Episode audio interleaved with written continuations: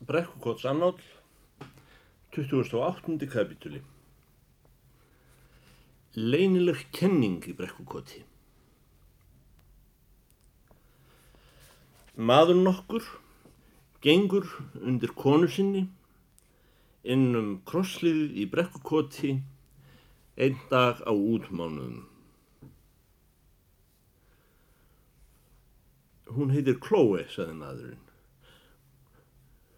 Glóei, saði afi minn spyrjandi. Hvaðan það nafn með leifi? Það er hjarðmegjan gríska svo sem mest var unnað af dafni, sagði gesturinn, og ein af vildarmegjum Hórasíusarskaðuls. Þá fann ég af lærdómi að konan hlaut að heita Chloe En þetta nafn er eins og menn sjá mjög erfitt í réttritun á Íslandi. C-H-L og E með tveim punktum.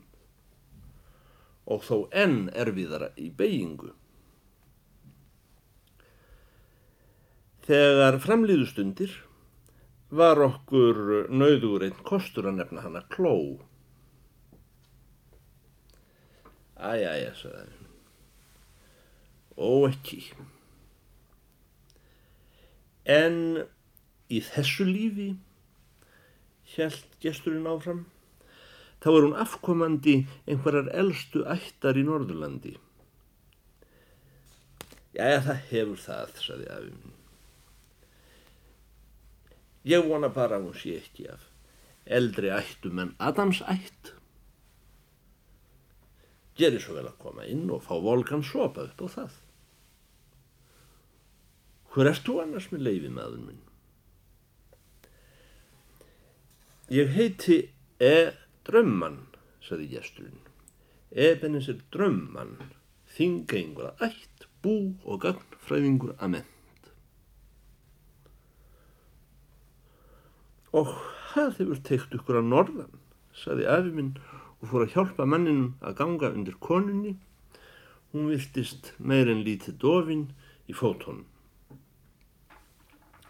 Þessi kona hafði mikið hár, gullt, blá augu og fjallkonusvip eins og þá var í tísku, velfarin í andliti með eitt þessara nefja sem stundum eru í dönskum rómunum kölluð grísk en ívið kroppfeitari en góðu hófi gengdi.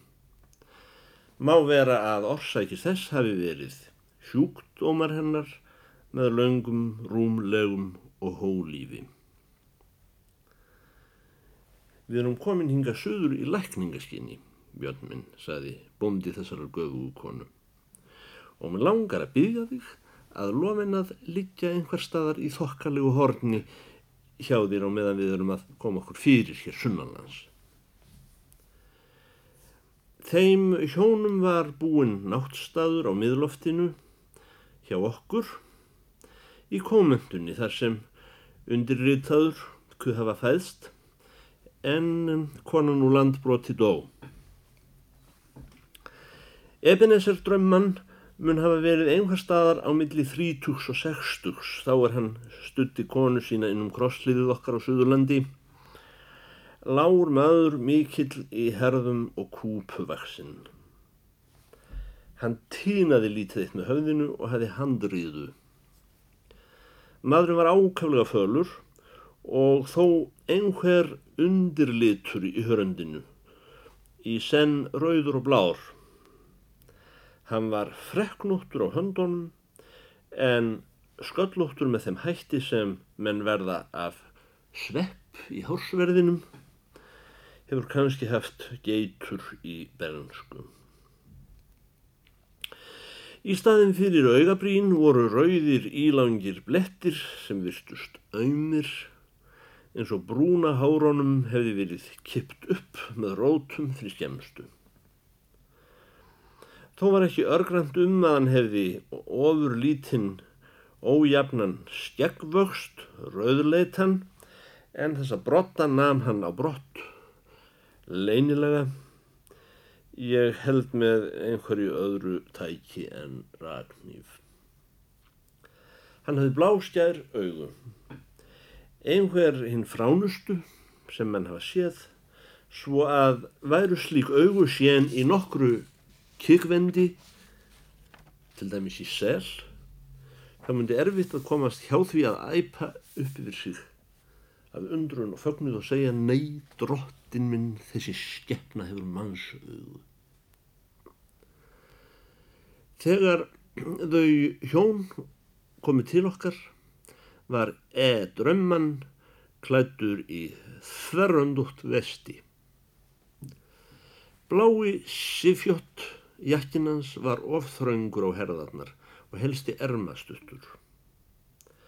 Hann hefði hvítan gútaperskaflippa og laust brjóst úr sama efni og flippin festur og hann í það að framann en humbúk notaði hann ekki. Aftur á móti kom brjóstið honum í skýrtustað því hann var heldur fáskýrtaður maður. Hann var í söðalitum vaðmálsbuksum, snjáðum og til líta stuttum en það var þeimun tilfinnanlegra sem maðurinn gekk að jafnaði berfættur í skónum. Hann var á útlendum stryga skóm, miðlungi ákjósanlegum fótabúnaði hér á landi, að vetralagi. Ég man ekki hver það var hjá okkur sem spurði hann að því fyrsta daginn, ekkur einn gengi ekki sokkum, en hann svaraði Meistararnir ganga ekki heldur í sokkum. Honum lág ekki hátt rómur og um, það var síður hans þegar hann hefði anstæðmönnum að brosa inn í sig og drepa tillinga og bæra varinnar eins og hann heldi áfram að tala við sjálfan sig í hljóði. Hann jóg við eftir nokkra stund til skýringar á sokkaleysi sínu Sá maður sem gengur sokkalaus getur öðlast hluti sem sokkamenn munu aldrei ná. Með því að spara sér sokka hefur maður fyrir frímerkjum til þess að geta skrifað spekingum út um allan heim og fengið hjá þeim réttar þýðingar á torskildum sanskrítarorðum. Til dæmis að taka hvað þýðir orðið prana? eða karma og mæja. Þessu gatt auðvitað enginn maður svaraði brekkukoti. Og þú veist það ekki heldur, ungi maður, sem er í latínuskólanum? Nei, saði ég. Þannig að sjáu þið, saði Ebenezer drömman. Allir í sokkum, en enginn veit hvað prana er ekki einu sinni þessi ungi maður í latinskólanum. Hvar hefur þú náði svona fallega konulagsi, sagði kaptinn Hógensen sem var svo riddaralegur í sér að hann talaði jafnan um hvem fólk að hætti allsjáandi manna. Það hafa auðvitað allir hér talað um laungu hlýðar fólk, sagði Ed Römman. Hann sagði reyndar fólk með þýskum framburði að sið norðlendinga. Í þeirri ætt hafa verið embættismenn, skáld og umbóðsmenn, konungsjarða eins og þið vitið. Konan mín er að þeirri grein ættarinnar sem hlaut gáfunar og mannkostina þó að þar hangdi síður við fjö og virðing. Þetta fólk hefði auðvitað alltaf mentaða heimiliskennara að segja til börnum sínum Chloe átti fjórtán sístkinni. Ég skal ekki halda því fram að barna lán hjá því fólki hafi æfinlega staðið í réttu hlutfalli við ágæti kennaranna. Ef mælt er á alinn þess heims sem margir hafa sannað og fleiri eiga eftir að sanna að er helsti stuttur í annan endan. En eitt veit ég að enginn Kennari hafði þar verið á undan mér sem skildi klóe. Því á samri stund og ég leiti þessa unglingstúlku augum í fyrsta sinn, þá vissi ég að þar hefði háþroska vera borist inn í löngullíðarætt. Og ég sagði við sjálfan mig, nú já, ein af þeim Egiptsku. Þeim eifisku, já, akkurat, saði hóinsinn. Hitt skiptir þó mestumáli að þér hefur litist á hana frá upphafi. Litist á hana? Nei, það var nú öðru nær, saði Edraumann. Mér leist ekki á hana. Mér líst yfirleitt ekki á neitt. Ég veit vel að allt líf er mæja. En ég verð fyrir því happi sumarið á undan að komast svo litið inn í leynilega kenningu hjá akureyringi sem var nýkomin úr Lundúnaborg. Sum sé þessi inkarnasjón, þessi háþroska vera, ef ég mætti orða það svo, hún sem ég kalla konu mína tilheyrir fjarlægu sviði og hún er af öðrum tíma Já, það var akkurat, saði kaftin Hógensen.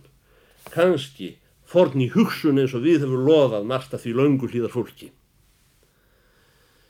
Eða drömman brosti inn í sig, draf tillinga og bærði varinnar eins og hann væri að lesa með sjálfum sér innri texta en svaraði ekki.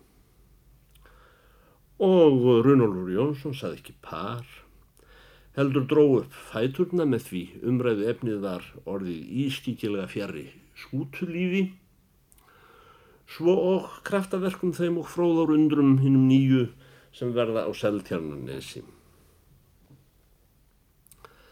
Það var búið að láta aftur hjá konunni og mátti heyra hana poka sig í mikilli emnd.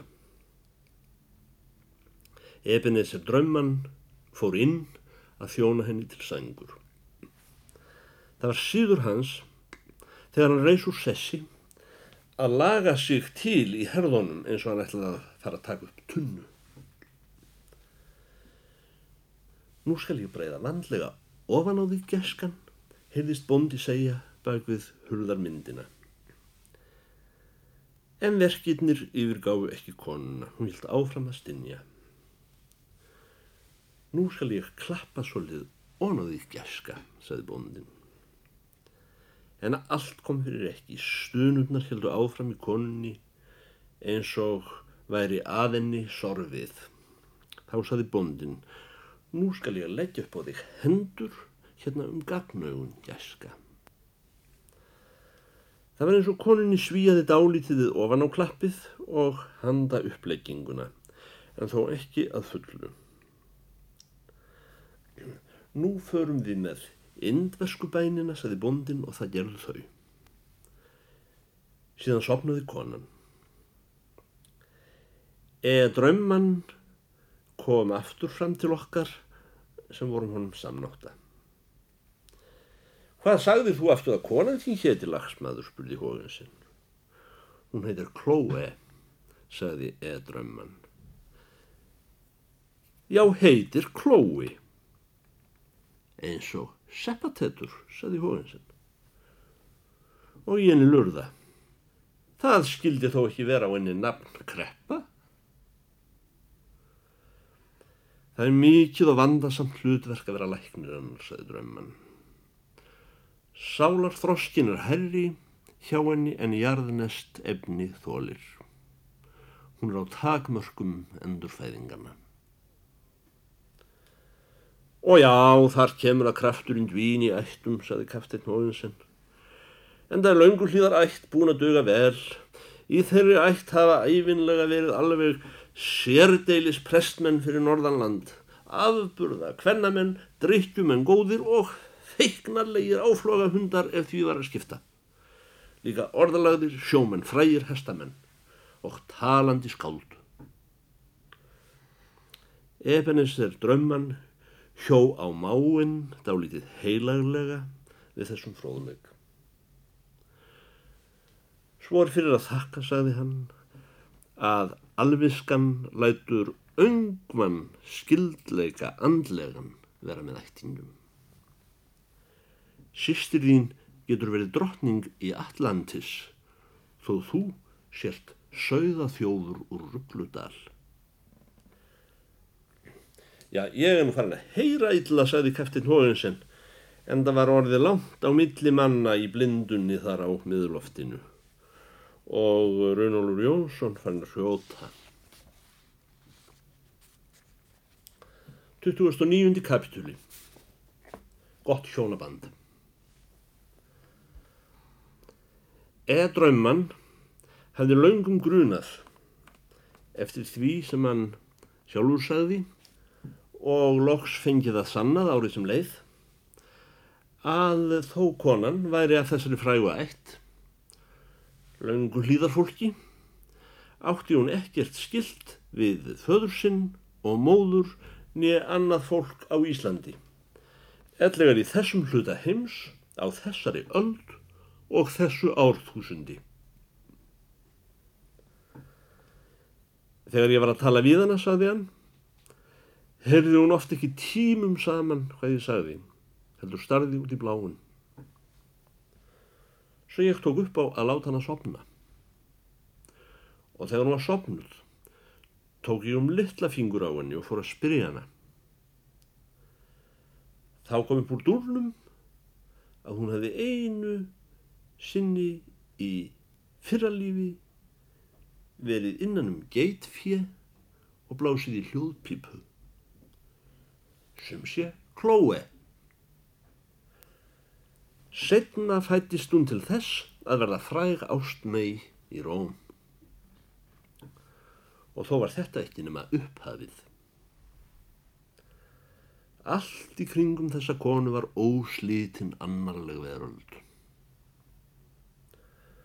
Hún hafði enn einu sinni borist inn í heiminn, líklega sækir einhverjar smávegis skissu í síðasta lífi, eða jafnvel ótímabærs góðverks, eins og mestarinn Santayama sem varð að fæðast upp aftur og aftur í 8000 ár og stundum sem nautgripur eða annar penningur af því hann hefði miskunnað sig yfir hvernmann Haldin Brókarsson. Það hefði sem sé orðið köllun og æfirhlutverk hins mentakæra þingeyings að ganga undir þessari konu sem náði ekki fótavist nema endrum og eins af því hún var of andlega full komin til að lifa hér í heimi. Hann hefði gifstenni 16 metra gamalli og borið hann á höndum sér æg síðan. Hugur hans var fullur af því einu hvernig hann fengi þjóna þessari dular fullu veru sem verðt væri. Upprunni hennar í rúmi og tíma var honum svo hugarhaldinn að hann syndi líkt öðrum efnum. Hann göfgaði konuna með þeim hætti sem skurgoða dyrkurum er gefið um fram flesta guðsmenn og þeim trúmönnum öðrum sem eiga góð sitt í sköpuðu efni en ekki bók eða kreddu. Þó drap hann ekki hendi við langsóttum lærdómi til að leita sér skilnings á þessari háþróskaveru eða inkarnasjón eins og hann kallaði hana. Og abla þeirra gæða er líklega veru til að gera henni líft í þessum lágkúrulega heimi þar sem hún var dæmt til að lífa enn í eina rennu. Eins og fyrir getur hafiði leinileg kenning orðið honum nokkur leiðarvísir í málinu en svo bók hafði þá eigi alls fyrir löngu borist til Norðurlands. Hann létt einskís ófreistað að finna konunni dugandi lækna en alla sanna læknislist töldu þau hjón yfirnáttúrlega og töfrafulla jafnvel vanalega mikstúrur og var bóndi seinþreyttur að reyna á konunni nýjar og nýjar bænir og töfraformúlur af ýmsutægi andardráttaræfingar eftir jóka, saltvassdrykju gegn nef, svo og handauppleggingar og margt fleira sem síðar verður vikið á. Á sama hátt og konan var manni sínum þess konar furðuverk sem aldrei tekur enda og enginn þær skil til fulls. Þannig leit hún upp til bonda síns sem þess manns er einn veri tilfær að ráða fyrir lífi hennar í því mikla helsuleysi og ósætti fullkomnu sem orðið var með klúru efni jarðarinnar og þeim háþroska sem sál hennar hafði náð af mörgum endurholdgunum. Bondi var algjört haldreipi konusinnar og atkvarf. Jamt fyrir því þótt hann ætti hvorki hús ni heimili að bjóða henni þaðan af síður hjóna rúm. Varðla einu sinni klæðis bót að skíla nekt hennar og væri nú fluttur með hana upp á miðloftið til okkar í brekku kotissur á landi. og hvað svo sem konan kunna vera bónda sínum sem grísk hjarðmær, ást kona Hórasíusar og sitt hvað fleira sem enn er ótalið, þá var hún honum eftir vill umfram allt sál. Sálinn sjálf. Ég held ég megi fullir það að hafi nokkur maður átt sál hér á landi á minni uppvakstar tíð þá var það Ebenezer drömman. Af kynningu við þau hjón hlaud að minnstakosti að vakna hjá hverjum skinsumum manni efum það að sálinn væri enga réttindi fiska eins og sumir nútíma spekingar halda fram. Og þóin við ljóst að einungis fátt er sagt þó konan sé kölluð sál þessa manns. Því hún var einnig blóm hans, fuggl hans, fiskur hans, gimsteinn gimsteina, dýrlingur, engil, höfðengil.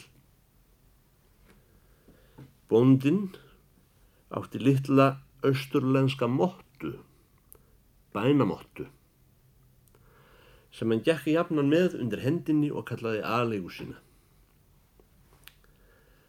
Hann breyti úr mottunni á gólfinu fyrir framann stokkin hjá konu sinni og settist í búldastellingar.